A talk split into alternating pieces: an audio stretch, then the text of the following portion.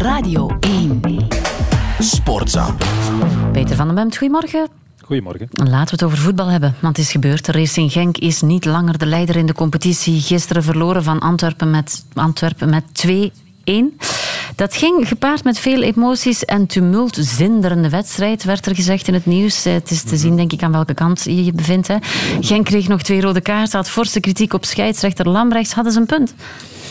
Ja, laten we zeggen dat de frustraties begrijpelijk waren. Alle cruciale fases vielen in hun nadeel uit. Maar wat mij betreft waren alle beslissingen van de scheidsrechter gewoon correct. Behalve dan misschien die rode kaart voor Aziz. Dat konden we moeilijk zien. Ik neem aan dat er ook niet te veel gevolgen zullen aangegeven worden. Ook niet aan die voor Tresor. Balletje tegen een tegenstander trappen hoeft ook niet eh, een paar weken te zijn. En, en uh, zou dat misschien met Aziz anders kunnen oplossen. Maar goed, die kaart heeft de uitslag niet bepaald. En, uh, trainer Frank heeft natuurlijk gelijk als hij zegt dat die penalty hè, voor dat handspel van Voor voetballiefhebbers geen strafschop verdient. Dat hebben we al duizend keer gezegd, maar de scheidsrechter volgt de regels die in mijn ogen ongelukkig en verkeerd zijn. En dus is het helaas penalty. En als Racing Genk vandaag in alle rust de analyse maakt van de nederlaag, dan moeten er andere vragen gesteld worden dan over de scheidsrechter. Mij dunkt, dan moet Genk zich afvragen waarom in die belangrijke wedstrijd zowat alle bepalende spelers onder hun niveau zijn gebleven. Zeker ook de verdiensten van Antwerpen en het plan van Mark van Bommel. Die geweldige flank bijvoorbeeld Munoz Peinsil. Die werd geneutraliseerd door Avila en Balikwisha. El Canous was onzichtbaar. En bij de Franstalige tv-collega's overigens ook nog eens ongepast scherp voor de scheidsrechter. Samatta kwam niet in het stuk voor. Er waren heel veel individuele fouten. Zeker na de rust. Toen Genk ondoordacht wilde blijven uitvoetballen. En oké, wat, wat Franke zei was juist. De organisatie was prima. Weinig weggegeven. Antwerpen heeft weinig kunnen creëren. Maar wel geprofiteerd van de fouten van Racing Genk. Die mag je in de Champions Playoffs niet maken. En vooral vind ik, uh, Genk moet zich afvragen hoe het zich heeft laten verraden door zijn emoties. Waarom is het niet rustig gebleven bij de spelletjes die gespeeld worden door Antwerpen in dat decor met dat publiek dat erachter zit? Een ploeg die onder je huid kruipt als je dat toelaat. En dat heeft Genk gedaan. En dat begon al vroeg met Peinsil, die daar reageerde op een kwalijke tackle van Moeja, die zich uit de match liet lokken. En uh, het komt ook vanaf de zijkant, vind ik toch een beetje met, wat mij betreft, en dat is niet van vandaag, een te nerveuze coach. Franke, die te veel in discussie gaat, vaak -hmm. met de vierde ref. Nerveus assistenten. Ja, op een of andere manier uh, zet zich dat toch over op de ploeg, denk ik. En nog een keer, de frustraties waren menselijk, alle begrip daarvoor, maar rustig blijven was de boodschap. Ook nu, gepast omgaan met deze nederlaag. Je verliest al wel een keer in play-off 1, zeker op bezoek bij een rechtstreekse concurrent. Uh, het, het verlies van de koppositie, dat is niet evident sinds oktober, maar er is niets aan de hand. Eén puntje achter, nog vier wedstrijden te gaan, op voorwaarde dat Genk weer Genk wordt en dat Genk weer wedstrijden wint. Want dat moet natuurlijk ook, want ja. de cijfers blijven blijven wat ze zijn. Vier keer winnen in twaalf competitiewedstrijden. Dat gemiddelde, daarmee ga je het niet halen. Nee, dat zal dus anders moeten. Jij zegt het al op één puntje. Maar Antwerp was natuurlijk wel al bekerwinnaar. Staat nu op kop van het klassement. Zijn zij de uitgesproken favoriet?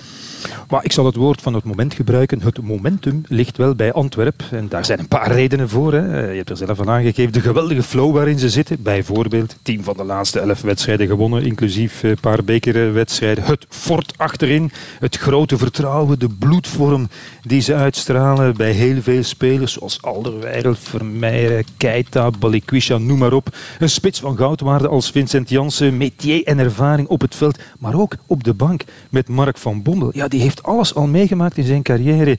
Die zit daar midden het tumult rustig te wezen langs hmm. de lijn. En Antwerp laat zijn tegenstander minder goed spelen. Dat is toch ook de conclusie. Zoals Genk gisteren. Die waren nauwelijks een week geleden nog zo onweerstaanbaar sterk tegen Club Brugge.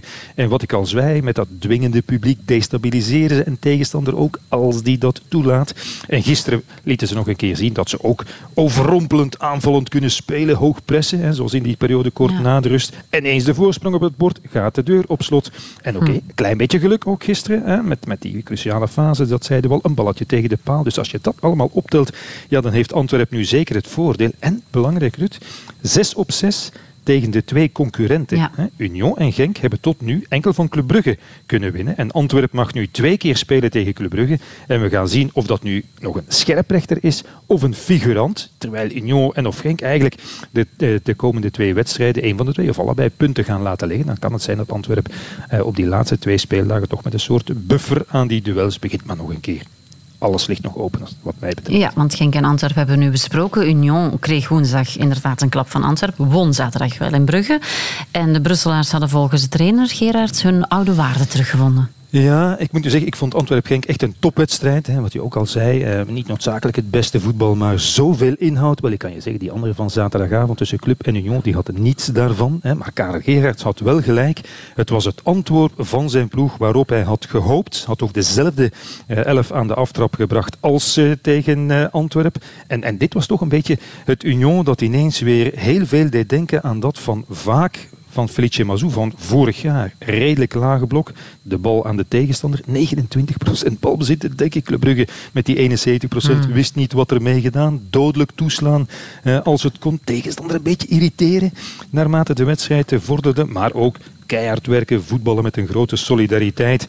En, en dat was na het verlies eh, tegen Antwerpen precies wat Union nodig had. En, en uh, kijk, bij de zevende poging, dan toch gewonnen van Club Brugge. Die olifant is alvast de kamer uitgejaagd. En Karel Gerards, ja, die was zoals altijd, moet ik zeggen, nog eens een compliment. Verfrissend, correct en helemaal volledig in zijn analyse. Hij zei, dit is wat ik wilde zien. Maar als we kampioen willen spelen, moeten we ook weer beter gaan voetballen. En we weten dat ze dat kunnen. Nu twee keer Union tegen Genk.